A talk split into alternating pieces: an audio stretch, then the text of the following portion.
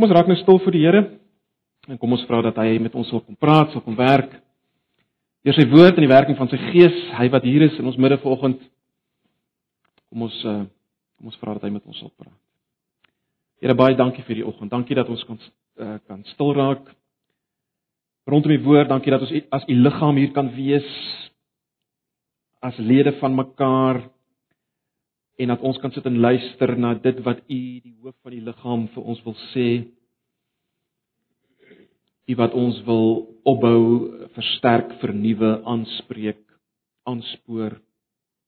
Sodat ons die lewens kan leef waarvoor ons gemaak is, waarvoor ons bedoel is, waarsonder ons nooit gelukkig sal wees nie, lewens wat draai om u.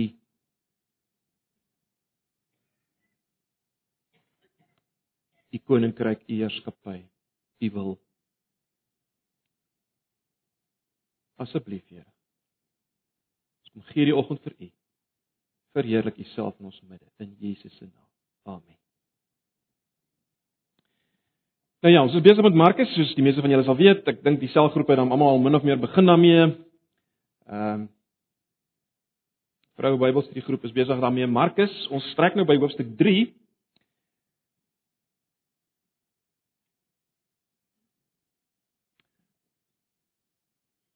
En ons is nou by vers 7 van hoofstuk 3.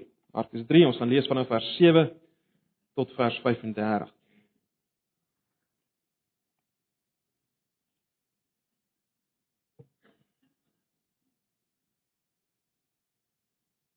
Ek het nou nie vanoggend die teks daarop gesit nie. Ek gaan maar die 83 vanoggend lees. Daar's nie vreeslike verskille tussen die vertalings nie. En in sekere sin verkies ek die die 83 vertaling in hierdie geval. So julle kan maar volg in julle Bybels. Ek dink julle behoort redelik behoort redelik op dieselfde plek te wees. Vers 7. Jesus het toe met sy disippels teruggegaan na die see toe. 'n Menigte mense het van Galilea af agter hom aangegaan, ook van Judea af en uit Jerusalem en van Idumea en van oorkant die Jordaan en van rondom Tyrus en Sidon af.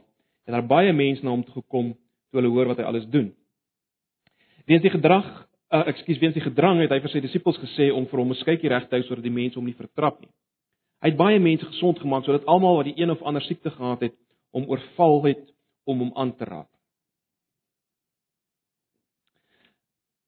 As mense wat van onrein geeste besete was om sien het hulle voor hom neergeslaan en geskreeu: "U is die seun van God." Maar hy het hulle uit baie uitdruklik belet om hom bekend om bekend te maak wie hy is.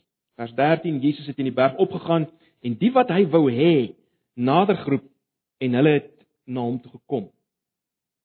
Hy het toe 12 wat hy apostels genoem het aangestel om by hom te bly sodat hy hulle kon uitstuur om te preek. Hulle het ook die mag ontvang om bose geeste uit te dryf. Hy het hierdie 12 aangestel: Petrus soos hy Simon uh, soos hy Simon genoem het, Jakobus, seun van Zebedeus en Johannes, die broer van Jakobus, vir hulle uh, het hy die bynaam Boanerges gegee, dit wil sê manne van die donder, Andreas, Filippus, Bartolomeus, Matteus, Thomas, Jakobus, seun van Alfeus, Thaddeus, Simon die Kananeer en Judas Iskariot wat vir Jesus verraai het. Daarna het Jesus huis toe gegaan. 'n Menigte mense het weer saamgedrom sodat daar selfs nie geleentheid was om 'n stukkie te eet nie. Toe sy familie hiervan hoor het hulle gegaan om hom te gaan haal, want hulle het gesê hy het van sy kop af geraak. Die skrifgeleerders wat van Jerusalem afgekom het, het gesê hy is van Beelzebul beseet. En dit is met die hulp van die aanvoerder van die bose geeste dat hy die bose geeste uitdryf. Jesus het hulle nader geroep en hulle met voorbeelde geantwoord. Hoe kan die Satan die Satan uitdryf? As 'n koninkryk onderling verdeel is, kan daardie koninkryk nie bly staan nie. En as 'n huisgesin onderling verdeel is, sal daardie huisgesin nie kan bly staan nie. As die Satan teen homself in opstand kom en verdeel is, kan hy nie bly staan nie, maar is dit sy einde. Bovendien kan niemand in 'n sterk man se huis ingaan en sy goed vat as hy nie vooraf die sterk man ge uh, vas uh, vasbind. Eers dan sal hy sy huis kan beroof. Dit verseker ek julle, alles sal die mense vergewe kan word, al die sondige lastertaal wat hulle praat. Wie egter teen die Heilige Gees laster word tot in ewigheid nie vergewe nie, maar bly ewig skuldig aan die sonde. Dit het hy gesê omdat hulle gesê het hy is van 'n onrein gees besete. Sy moeder en sy broers het gekom, hulle het buite bly staan en 'n boodskap na hom gestuur om hom te roep. 'n Menigte mense het rondom hom gesit. Hulle sê toe vir hom: "Kyk, u moeder en die broers en die susters daar buite soek u." Maar hy sê vir hulle: "Wie is my moeder en my broers?" Hy het die mense aangekyk wat in 'n kring om hom sit en gesê: "Hier is my moeder en my broers. Elkeen wat die wil van God doen is my broer en my suster en my moeder. Ons lees net so ver. Nou Broers en susters, ek dink elkeen van ons wat volgende hier sit as as 'n Christen, as iemand wat wedergebore is, uh het al geworstel met die vraag: Wat is die wil van die Here vir my lewe? Nie waar? Wat is die wil van die Here vir my lewe? Uh Wat wil die Here hê moet ek doen? Wat se werk moet ek doen? Waar moet ek bly? Met wie moet ek trou en so meer? Ja, daar's baie stemme en baie idees en baie formules hieroor. Julle sal uh, sal dit net so goed soos ek weet, uh weet baie maniere hoe jy kan vasstel uh dat jy dan nou die wil van die Here gedoen het al dan nie. Daar's baie baie dinge in omgang rondom hierdie onderwerp. Maar ek dink tog nie ek's verkeerd as ek sê almal van ons verlang soms na 'n minder gekompliseerde antwoord, nie waar nie? Bietjie minder gekompliseerde antwoord. As ons dink oor hierdie hele saak van die die wil van die Here. Nou ek is baie oortuig Markus onder leiding van die Gees uh, gee vir ons so antwoord in die gedeelte wat ons gelees het. En hy doen dit terwyl hy nou uh, vir die ouens in Rome die historiese lewe van Jesus saam met sy disippels op 'n baie spesifieke manier aanbied, opskryf uh in hierdie evangelie, hierdie baie besonderse literatuursoort uh die evangelie van Markus. Terwyl hy dit vir hulle hier neerskryf, is hy besig om hierdie in hierdie gedeelte ook hierdie onderwerp aan te spreek en en as te ware vir hulle meer lig hieroor te gee. So ek wil hê ons moet kyk na hierdie gedeelte. En ek wil hê ons moet kyk na hierdie gedeelte weer eens uh onder 'n paar opskrifte wat julle sal sien op die op die bulletin. Uh en ek vertrou dit gaan ons help om om bietjie meer lig te kry op hierdie hele aangeleentheid. So kom ons kyk na hierdie gedeelte. En die eerste opskrifie wat ek maar net gegee het is is dit 'n skokkende ironie, 'n skokkende ironie. Wat bedoel ek hiermee? Wil ek wil hê julle moet bietjie saam met my kyk. Ek weet nie of julle dit opgemerk het nie. Markus is hier soos in die vorige gedeeltes weer besig om die geweldige verskil tussen die godsdienstiges van die dag, soos verteenwoordig deur die skrifgeleerdes, die fariseërs. Hy's weer besig om die verskil tussen die godsdienstiges van die dag en Jesus en die tydperk wat hy gebring het uit te lig. Hulle het onthou ons gekyk na die die nuwe wyn en die ou sakke. Hy's weer besig om hier iets te wys van hoe lyk die nuwe wyn teenoor die ou sakke. So dis weer iets daarvan wat ons hier kry. En en kyk bietjie uh na vers 10. In vers 10 sien ons dat almal wat die een of ander siekte gehad het, hom oorval.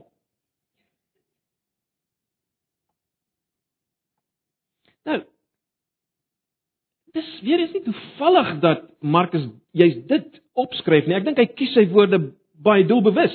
Kyk, verseker was dit hier ouens met met fisiese siektes wat na Jesus gestroom het, né? Maar ek dink Markus wil hê ons moet iets dieper sien. Hoekom sê ek so? Wel, dink terug aan Markus 2 vers 17 of of of uh, kyk gou-gou dan na Markus 2 vers 17 weer.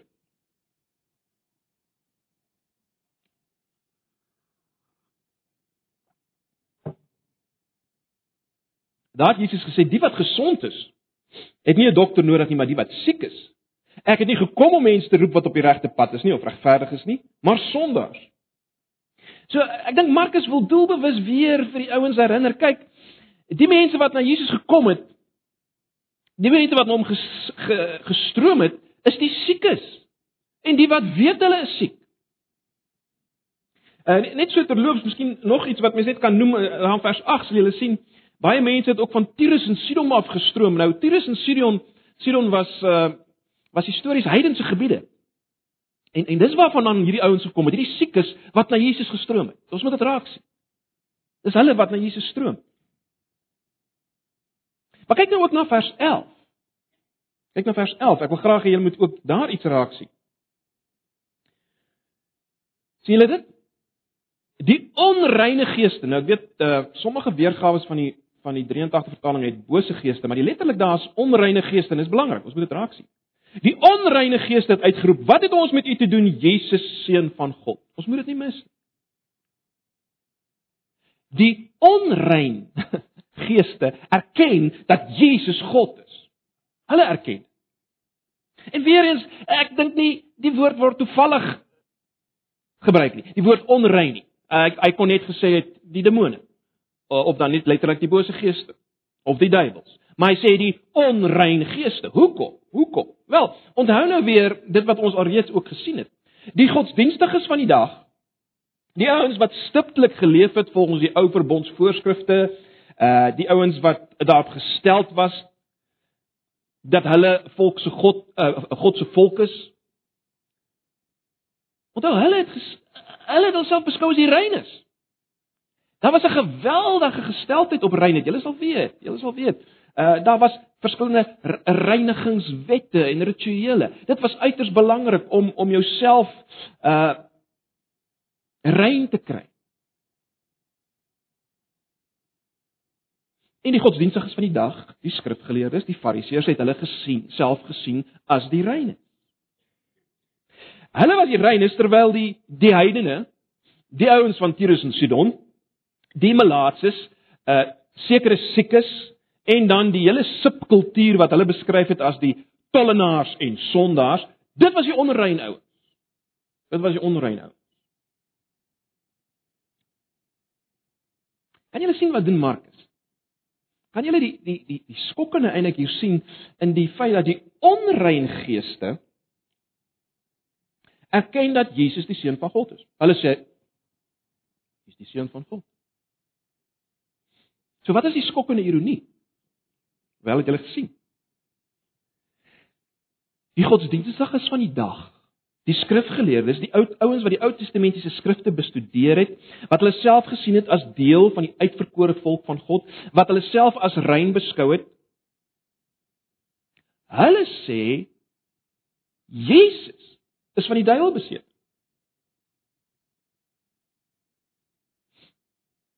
Met ander woorde, hulle, hulle erken nie net nie dat Jesus die seun van God is.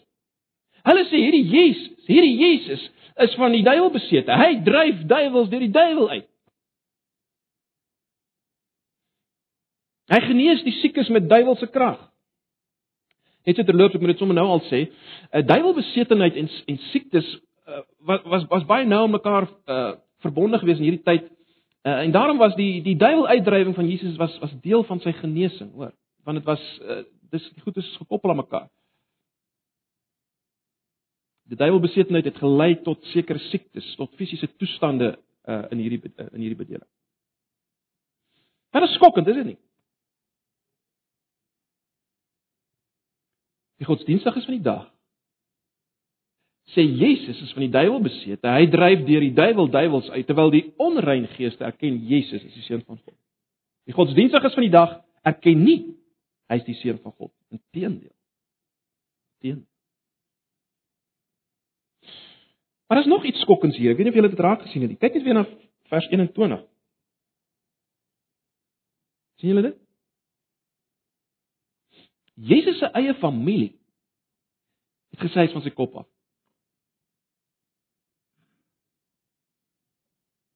En oor as te ware sy bloed, sy bloedfamilie, né? Nee. Hulle het gesê is van sy kop af. So so ons moet dit raak sien uh die ouens wat 'n mens eintlik sou reken by Jesus hoor. Wel hulle verwerp Jesus.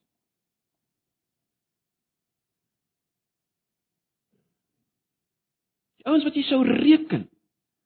Hulle is die manne wat jy rondom Jesus sal vind. Ek meen nie sy eie familie, die godsdienstiges van die dag. Maar dit is nie so nie. Hulle word nie by Jesus gekry nie. So dis die eerste ding wat ek wil hê ons moet raak sien, is hierdie skokkende ironie.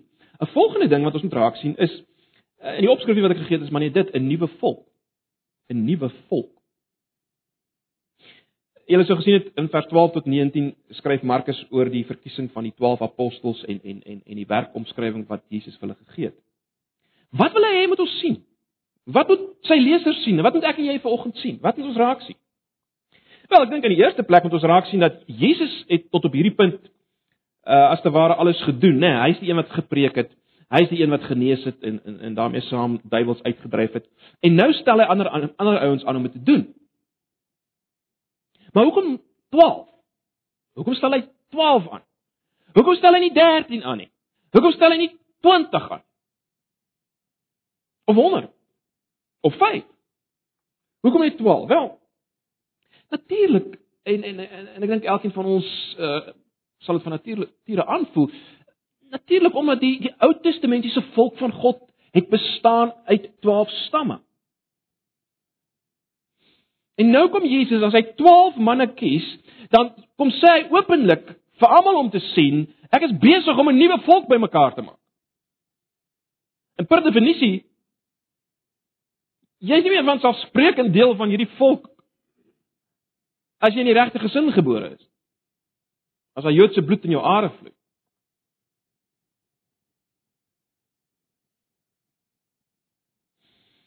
Maar kom ons kyk verder wat ons hier sien.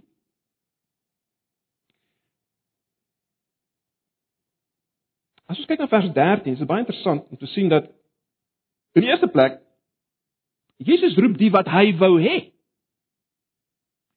Die wat hy wou hê. Het hy geroep om by hom te wees. sien julle dit? So dis die wat hy wou hê, die wat hy geroep het, as jy wil in die tweede plek. En baie belangrik, hy het hulle aangestel om sien julle dit by hom te wees. By hom te wees.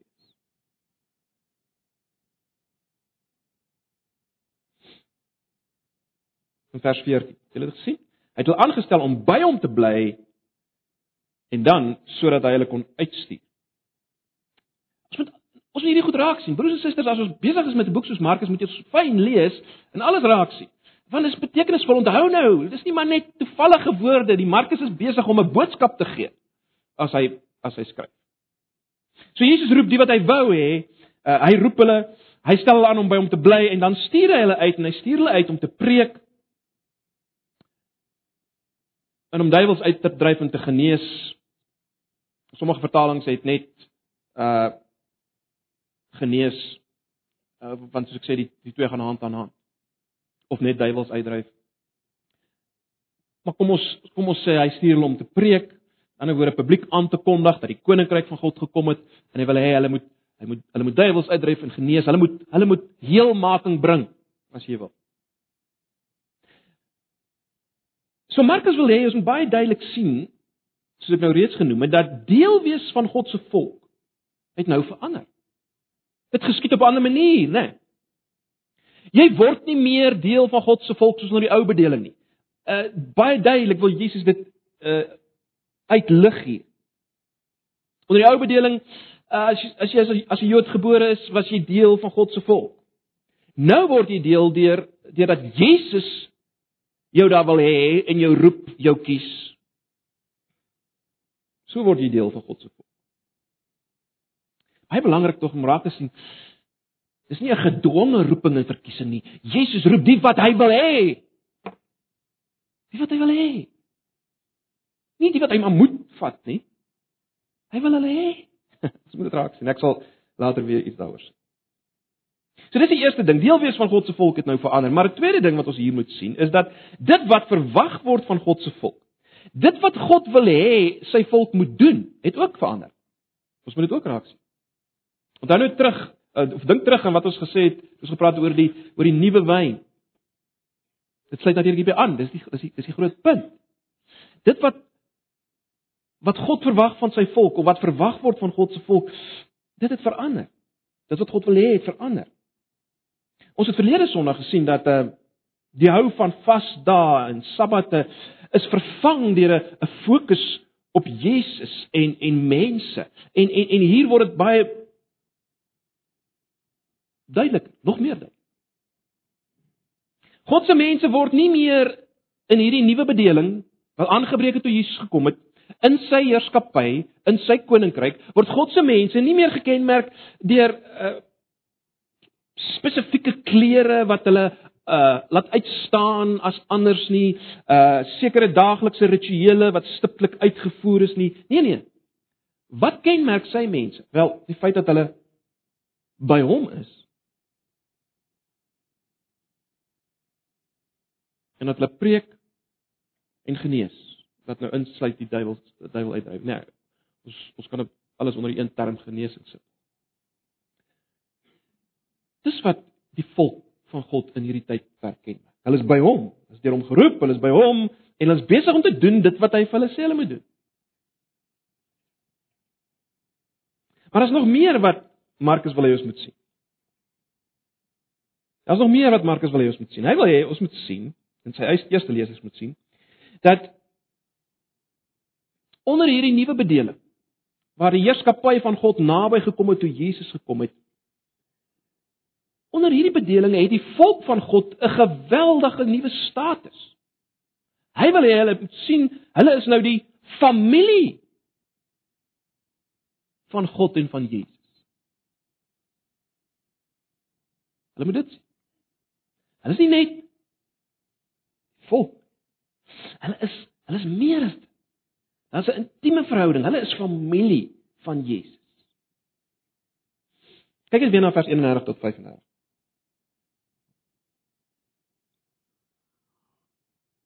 Sy moeder en sy broers het toe gekom, hulle het buite bly staan en 'n boodskap na hom toe gestuur om hom te roep. Vers 32: 'n Menigte mense het rondom hom gesit.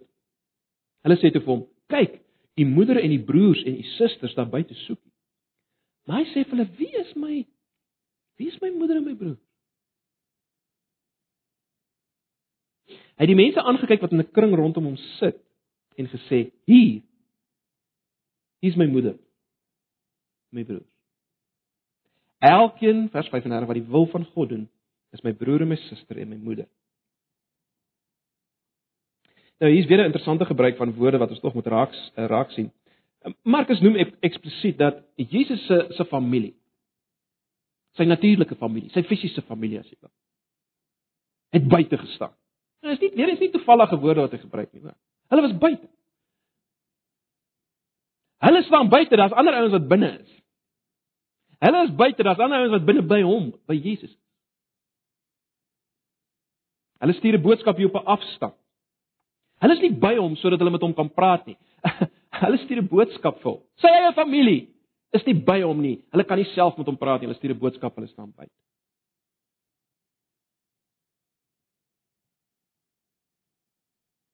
Maar hier was 'n ander groot groep wat by Jesus was, soos die apostels wat hy gekies het by hom was, is hulle by hom. Terwyl sy, soos ek sê, sy fisiese familie staan buite. En dan maak Jesus 'n nog 'n uitspraak. Hy maak dit eksplisiet. Hy maak dit baie eksplisiet dat sy familie nie meer die fisiese sy fisiese familie is. Hy maak dit baie baie duidelik, sien julle? Hy maak dit baie baie duidelik dat sy familie is nou hierdie ouens wat rondom hom sit. Die ouens wat by hom is, is sy familie. Vers 34. Hy Hy het die mense aangekyk wat in 'n kring om hom sit en gesê: "Hier is my broer en my suster." Hy maak dit baie baie duidelik. Dis geweldig, hoor. Jesus sê gewone mense. Met niks besonders in hulle bloed nie, as ek dit so kan stel. Met geen besonderse gene. Gewone mense kan nou die familie van Jesus wees, die familie van God wees. Want jy die familie van Jesus is en hy is die seun van God, wel dan is jy familie van God, né? Nee, dis die dis die hele punt.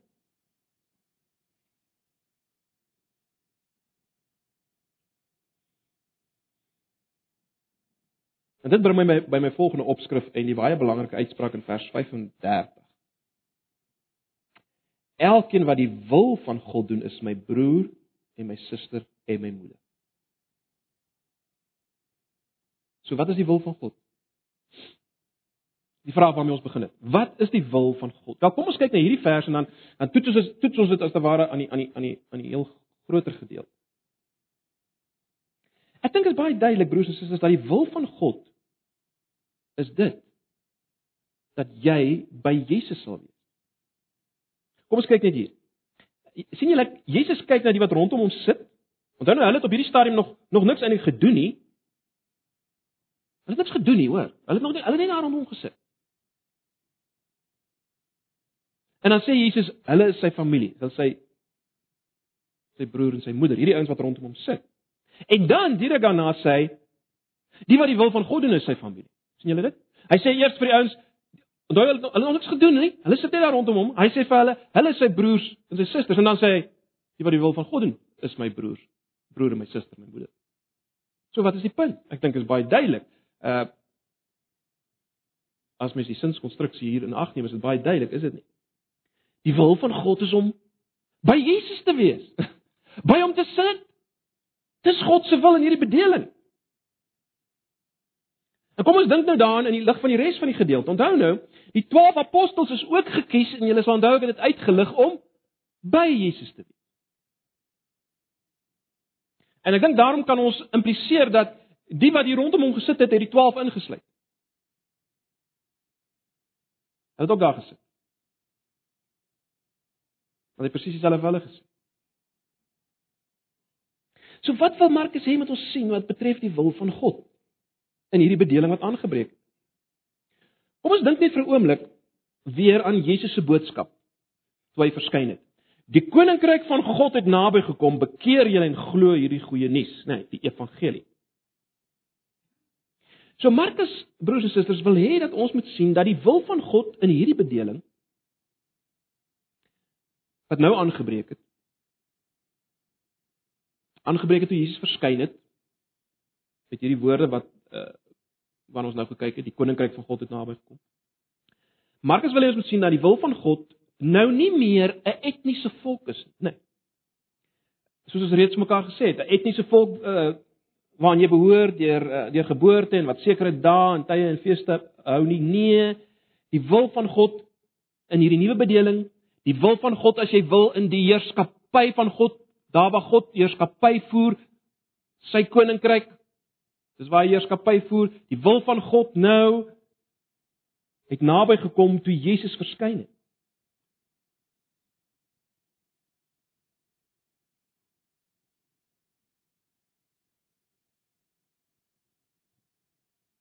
Toe sy koninkryk gekom.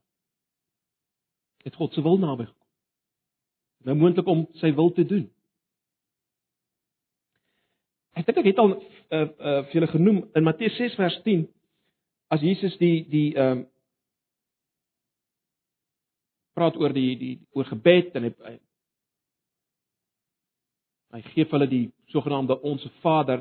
Een van die frases daar is dit: Laat u koninkryk kom. Laat u wil geskied. En uh is natuurlik sinonieme. Laat die koninkryk kom, laat u wil geskied. So God se wil geskied as die koninkryk kom. Maar natuurlik is die vraag dan natuurlik maar maar maar maar hoe lyk hierdie heerskappy of hierdie koninkryk? Hoe lyk hierdie wil van God? Ek sê weer, dis baie duidelik as ons nou die hele konteks in gedagte hou. God se wil het naby gekom. Dis moontlik om sy wil te doen toe die koninkryk gekom het in Jesus, toe Jesus naby gekom het. Want toe hy verskyn toe sê hy dit het nou naby gekom. So dis baie duidelik, nê. Nee, God se wil geskied as die koninkryk van God kom. Maar nou is die vraag, hoe lyk hierdie koninkryk of hierdie heerskappy? Uh, ek verkies die vertaling heerskappy, dis 'n beter vertaling. Hoe lyk hierdie heerskappy, hierdie wil van God? Wel, dis wat ons nou hier sien. Hierdie wil van God geskied as mense, mense wat weet dat hulle eintlik siek is, wat weet hulle het Jesus nodig, as as hierdie mense deur Jesus geroep word om by hom te wees, as hulle by hom is en dit wat ons nou gesien het wat, wat, hy vir die 12 sê, as hulle besig is om te preek en te genees. Met ander woorde herstel te bring alle vlakke. As hulle by Jesus is en doen wat hy hulle beveel het, naamlik om te preek en genesing te bring, duiwels uit te dryf, heelmaking te bring, Dis God se wil in hierdie bedeling. Dis God se wil in die Nuwe Testamentiese bedeling. Dis God se wil in die bedeling waarin ek en jy leef. So hoe doen ek en jy die wil van God? Wel as ons deel dit hieraan. Dis die punt. As ek en jy by Jesus is, rondom hom sit en begin doen waarvoor hy die 12 uitgestuur het. Onthou nou, daardie 12 is die is die kerk in embrio vorm. Né? Nee. As ons by Handelinge kom is dit baie duidelik. Die 12 is die is die begin van die kerk van Jesus Christus. En ek en jy is daarvan deel. So hoe doen ons die wil van God? Wel, as ons by Jesus. En as ons besig is met dit waarvoor hy die apostels gestuur het. En dit is belangrik om om dit te onthou, hierdie verkiesing van die 12, né? Nee. Want jy sien die die wil van God is onlosmaaklik verbind aan deel wees van God se nuwe mense.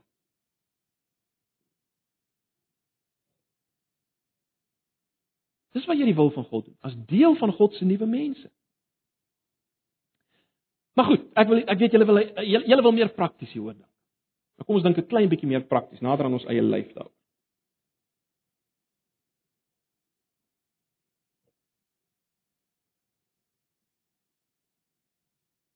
En ek gaan dalk nou vir julle 'n bietjie skok.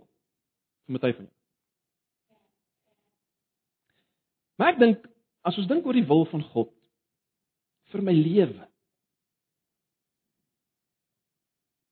vir wat ek moet doen en nie moet doen nie. In die lig van hierdie gedeelte wil ek dit so stel. Ek dink dit maak vir God minder saak presies watter werk jy doen en met wie jy trou en watter motor jy ry en watter land jy bly.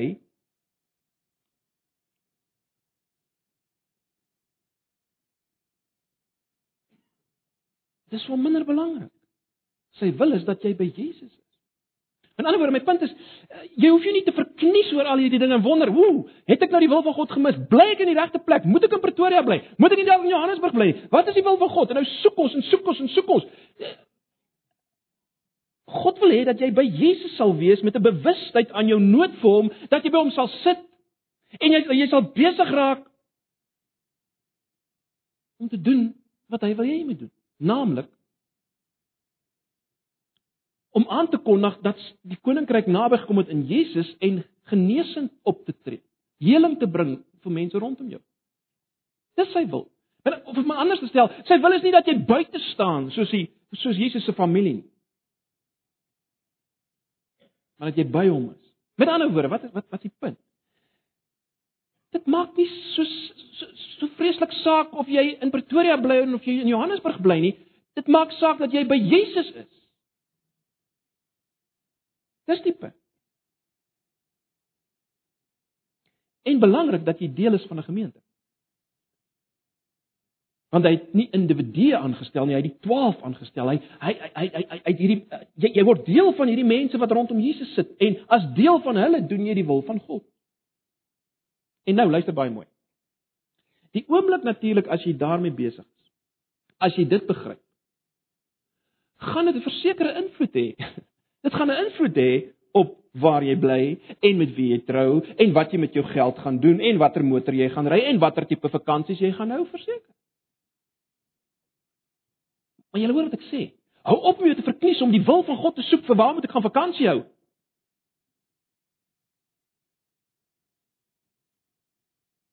Watter huis moet ek koop? Raak besig met die wil soos dit hier na vore kom. En dan gaan jy dan gaan jy sekere keuses maak in die lig daarvan.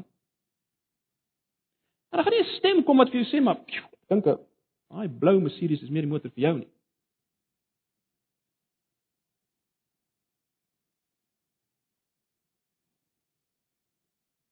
Julle ek dink julle hoor wat ek probeer sê. Ons is baie keer so bekommerd dat ons nie die wil van God doen nie. En ons voel heeltyd ons mis die wil van God. En dan maak ons dit dit maak ons sommer lam want ons weet nie is ons nou in die wil of is ons buite sy wil. Terwyl ons nie die eenvoudige as ek dit so kan noem doen naamlik besig raak met Jesus, tyd spandeer met hom. Besig raak om vir mense te sê 'n nuwe heerskappy het gekom in Jesus. En daar waar ons kan, bring ons heling, genesing op verskillende vlakke, wat dit ook al mag beteken, uh kan baie forme aanneem. Raak daarmee besig, broers. Nou hoef jy nie te wonder of jy die wil van God doen nie. Jy doen die wil van God. Waar jy ook al is. Nou is reg vir daai gevaarlike uitspraak van Jesus. In vers 28 en 29 vers 28 en 29.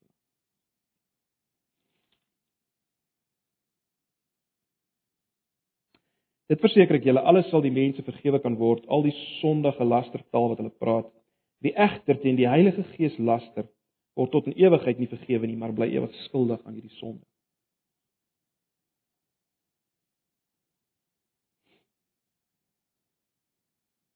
Wat waarmee is Jesus hier besig? Wel, ek dink ten diepste wil Jesus vir die ouens wat vashou aan die ou bedeling, die godsdienstiges van die dag, skrifgeleerdes, uh hulle wat Ou Testamenties dink aan die wil van God as ek so kan doen, as ek dit so kan noem. Hulle wat die nuwe openbaring van God soos in Jesus verwerp, Jesus wil ten diepste vir hulle wys, hulle speel met vuur. Hulle speel met vuur. Maar kom ons kyk 'n bietjie hierna. Natuurlik, omdat Jesus die hoof van hierdie groep was, die mense wat saam met hom was, die apostels, die fariseërs die godsdienstiges van die dag eerstens vir Jesus aan. Hulle beskuldig hom, nê, nee, hulle beskuldig nie in die eerste plek vir die apostels, hulle beskuldig Jesus dat hy duiwels uitdryf deur die duiwel. En dan vertel Jesus hulle uh, deur 'n gelykenis hoe belaglik dit is wat hulle eintlik sê. In kort sê Jesus eintlik vir hulle kyk, die Satan sal tog nou nie toelaat dat ek Jesus sy onderdane steel nie.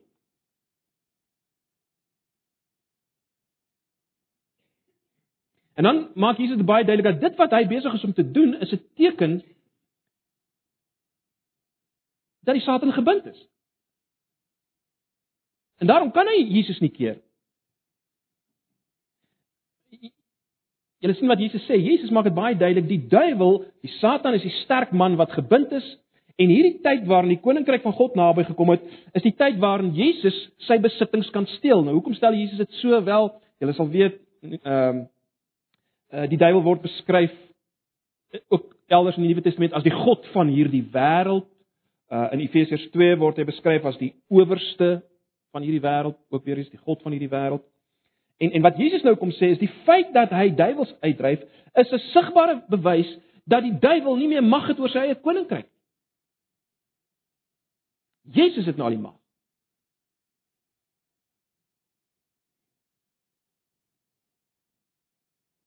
Onthou Efesiërs 2 wys vir ons alle mense is van nature eintlik deel van van die koninkryk van die bose, né? En alle mense wat tot bekering kom word bevry uit die mag van die Satan. Dis wat gebeur as iemand tot bekering kom. Hy word letterlik bevry uit die mag van Satan. Uh en en die punt hier is dat met Jesus se koms is hy gebind.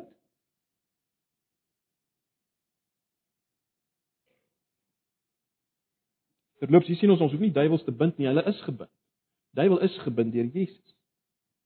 Maar goed, na hierdie verduideliking van dit wat hier gebeur, kom Jesus nou en hy maak hierdie uitspraak uh wat baie Christene natuurlik in groot angs en bekommernis dompel. Wat beteken dit as Jesus sê alle sondes sal vergewe word, maar net nie die die sonde teen die Heilige Gees of dan die laster teen die Heilige Gees? Wat word bedoel dan? Wel, kom ek sê miskien net eers dit Verseker bedoel Jesus nie hier dat ons nooit mag krities wees teenoor enige iets wat enige wonders en so meer wat plaasvind. Baie mense is bang dat dit is wat dit beteken en so ek mag net nie enigiets kritiseer wat in die naam van Jesus gedoen word en enige genesings wat plaasvind op die snaakste plekke. Ek mag net nie krities wees hieroor nie want dalk begaan ek die sonde teen die Heilige Gees. Verseker is dit nie waaroor dit gaan nie. Jesus self sê nie elkeen wat vir my sê Here Here uh sal ingaan in die koninkryk nie. Ja, Jesus self sê baie sal in daai dag sê Here ons het, uh, het ons aan die duiwels uitgedryf in u naam en en so en siekes genees nie en dan sê sal Jesus sê ek ken julle. Ken julle. So dis nie waaroor dit gaan. Weereens ons moet onthou dat die uitdrywing van die duiwels deur Jesus was 'n sigbare bewys, sigbare teken dat God se koninkryk gekom In Matteus 12 vers 28 maak Jesus dit eksplisiet. Uh konteks daar is dieselfde. Luister wat sê Jesus daar. Hy sê aangesien ek deur die gees van God die bose geeste uitdryf, het die koninkryk van God inderdaad tot by julle gekom. En dan oor die uitdrywing van die duiwels deur die Heilige Gees is as te ware God wat kom wys my heerskappy het gekom. My heerskappy het gekom. Die Satan se heerskappy is nie meer in plek nie. My heerskappy het gekom. Hoekom die klem op die Heilige Gees? Wel, alles wat Jesus doen is deur die Heilige Gees. Onthou sy geboorte was deur die Heilige Gees. Ons het gesien uh, hoe hy by sy doop uh hoe die Gees oor hom gekom het. So alles wat hy doen word gedoen deur die Gees. En terloops die bedeling waarin ek en jy leef, Jesus maak dit duidelik in Johannes uh in Johannes 16 dat dis nou die Heilige Gees wat mense oortuig van sonde en geregtigheid en oordeel. So sonde teen die Heilige Gees is in die eerste plek, as ek dit so kan stel, iets wat gebeur wanneer dit waarvoor Jesus gestuur is, naamlik die verlossing van mense uit die mag van die Satan, die herstel van die koninkryk, as dit doelbewus teengestaan word en aan 'n ander mag toegeskryf. En natuurlik is daar geen ander mag behalwe die mag van die Satan. So as jy dit wat Jesus doen aan 'n ander mag toeskryf, skryf jy dit aan die Satan toe en daarom is jy dan besig met die sonde teen die Heilige Gees. Onthou nou wat ons mekaar gesê het? Alles wat Jesus doen is deur die Heilige Gees. Soos ons ons ons kan sê sonder die Heilige Gees is as jy as jy dit waarvoor Jesus gekom het doelbewus teenstaan en en afmaak en aan die duiwel toeskryf of jy kan dit anders stel en jy kan sê dit waarvoor die Heilige Gees gekom as jy dit teenstaan al die herstel waar, waarvoor hy gekom het as jy dit as dit ware afmaak en aan 'n ander mag toeskryf nou wanneer presies broers en susters dit plaasvind. Met ander woorde, op watter punt jy as individu kom op op die plek waar jy sondig teen die Heilige Gees. Dis baie moeilik om te sê, is dit nie? Ek dink nie ons kan eers verseker sê dat die Fariseërs die die sonde teen die Heilige Gees hier begaan het nie. Ons kan dit nie verseker sê nie. Al, alhoewel hulle definitief baie baie naby daaraan gekom het. Hulle het baie naby daaraan gekom. Ek meen die hele feit dat Jesus hierdie opmerking maak oor die sonde teen die Heilige Gees net nadat hulle gesê het hy dryf die duiwel of die duiwels uit deur die duiwel. Dit, dit sê vir ons hierdie ouens was baie na aan hierdie punt van sonde teen die Heilige Gees. Maar nou baie belangrik. Want die vraag waarmee ons sit is natuurlik maar Maar goed, Jakobus nog steeds uh uh is daar nog 'n gevaar dat dat ons kan sondig teen die Heilige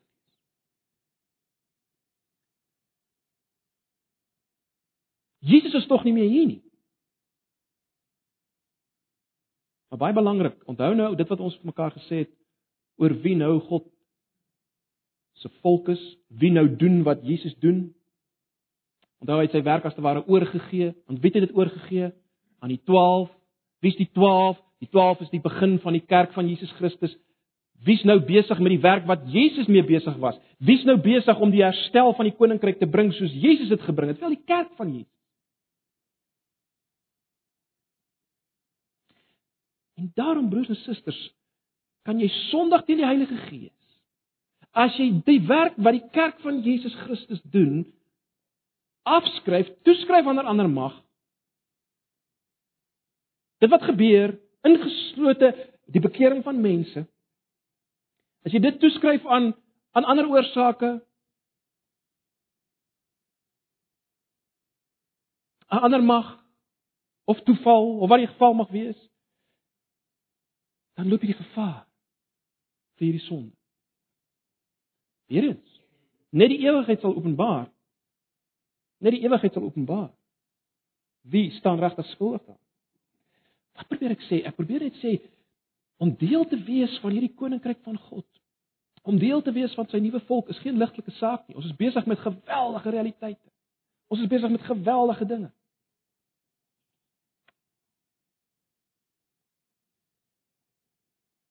Net 'n laaste opmerking hieroor.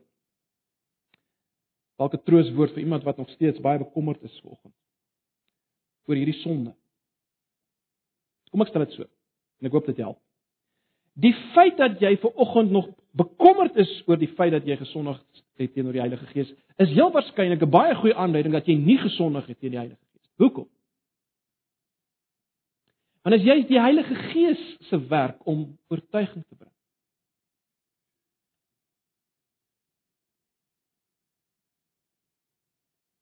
Jou sensitief te maak. Jou na die Here te trek. Met ander woorde, die punt is jy as jy werklik gesondig het in die Heilige Gees, dan dan sal, jy nie nie eens bekommerd wees nie. Jy skryf alles af aan iets anders. 'n Ander mag. Ag, dis sommer hierdie ouens se verbeelding, die dinge wat gebeur ensovoorts.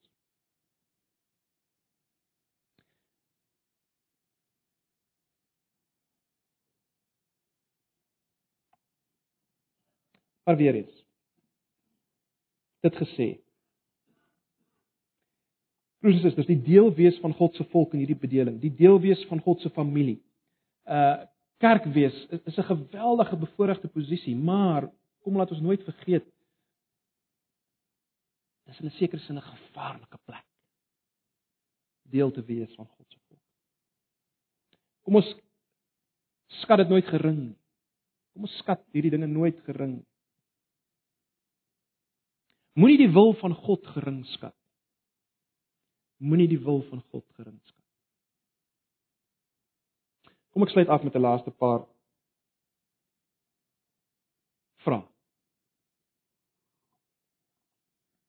Baie eenvoudig. Is jy besig met die wil van God? Ek vra nie of jy besig is om die wil van God te soek asof hy weggesteek is nie. Ek vra as jy besig met die wil van God. Is jy by Jesus? Spandeer jy tyd met Jesus?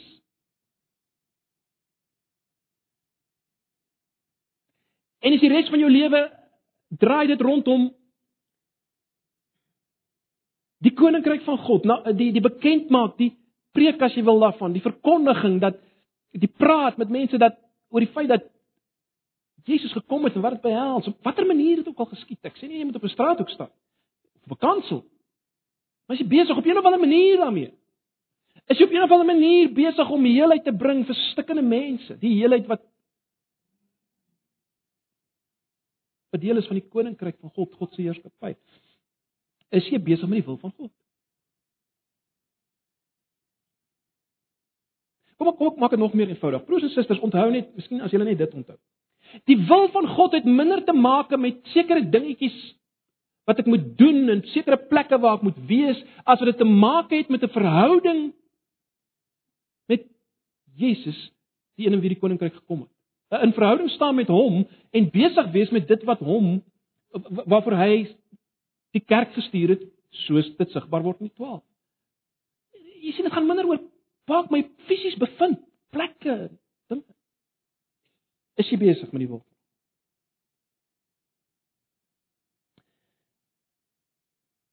Baie belangrik daarmee saam, is jy deel van God se nuwe volk? Is jy deel van die gemeente van die Here Jesus?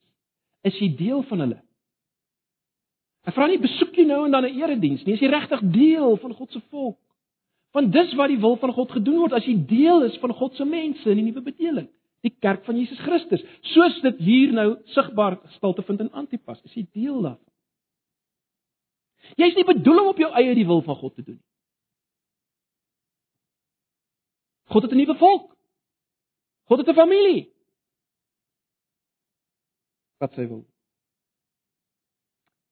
Ons as gemeente, broers en susters, ag. Ons het nou al so baie daaroor gepraat. Ons het ons het hierdie goed genoem toe ons gepraat het oor ons ons ons hele visie vir hierdie gemeente. Ons as gemeente, kom ons hoor dit weer. Waarmee moet ons besig wees? Prediking, aankondiging koninkryk gekom het in Jesus en al die forme wat dit kan aanneem. Ons moet besig wees met genesing, uh, omvattend gesien. Die herstel van mense, die bevryding van mense op verskillende maniere, die heelmaak van mense. Dis waarmee ons moet besig wees. Terwyl ons sit aan die voete van Jesus, ook as gemeente, né? Nee. Terwyl ons sit aan die voete van Jesus. Dis waarmee ons moet besig wees. Dis waarmee ons besig is.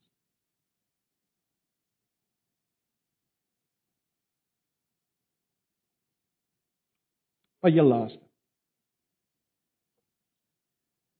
Kom ons kom ons staan weer verstom oor die oor die wonderlike nuwe bedeling waarin ons is. Wat gekom het toe Jesus gekom het.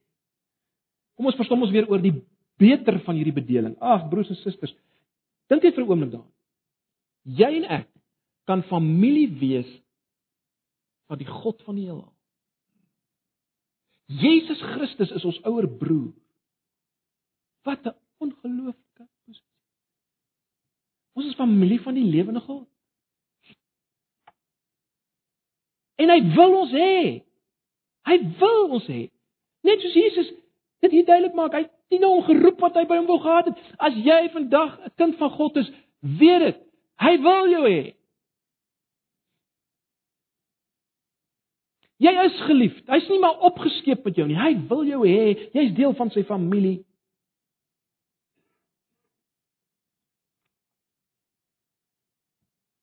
En natuurlik as jy dit verstaan, hoe kan jy nie besig wees met sy wil nie? Kom ons verheug ons daar. Kom ons raak vir 'n paar oomblikke stil, elkeen by homself en dan sluit ek af. Ag Here Jesus, baie baie dankie vir u woord vanoggend.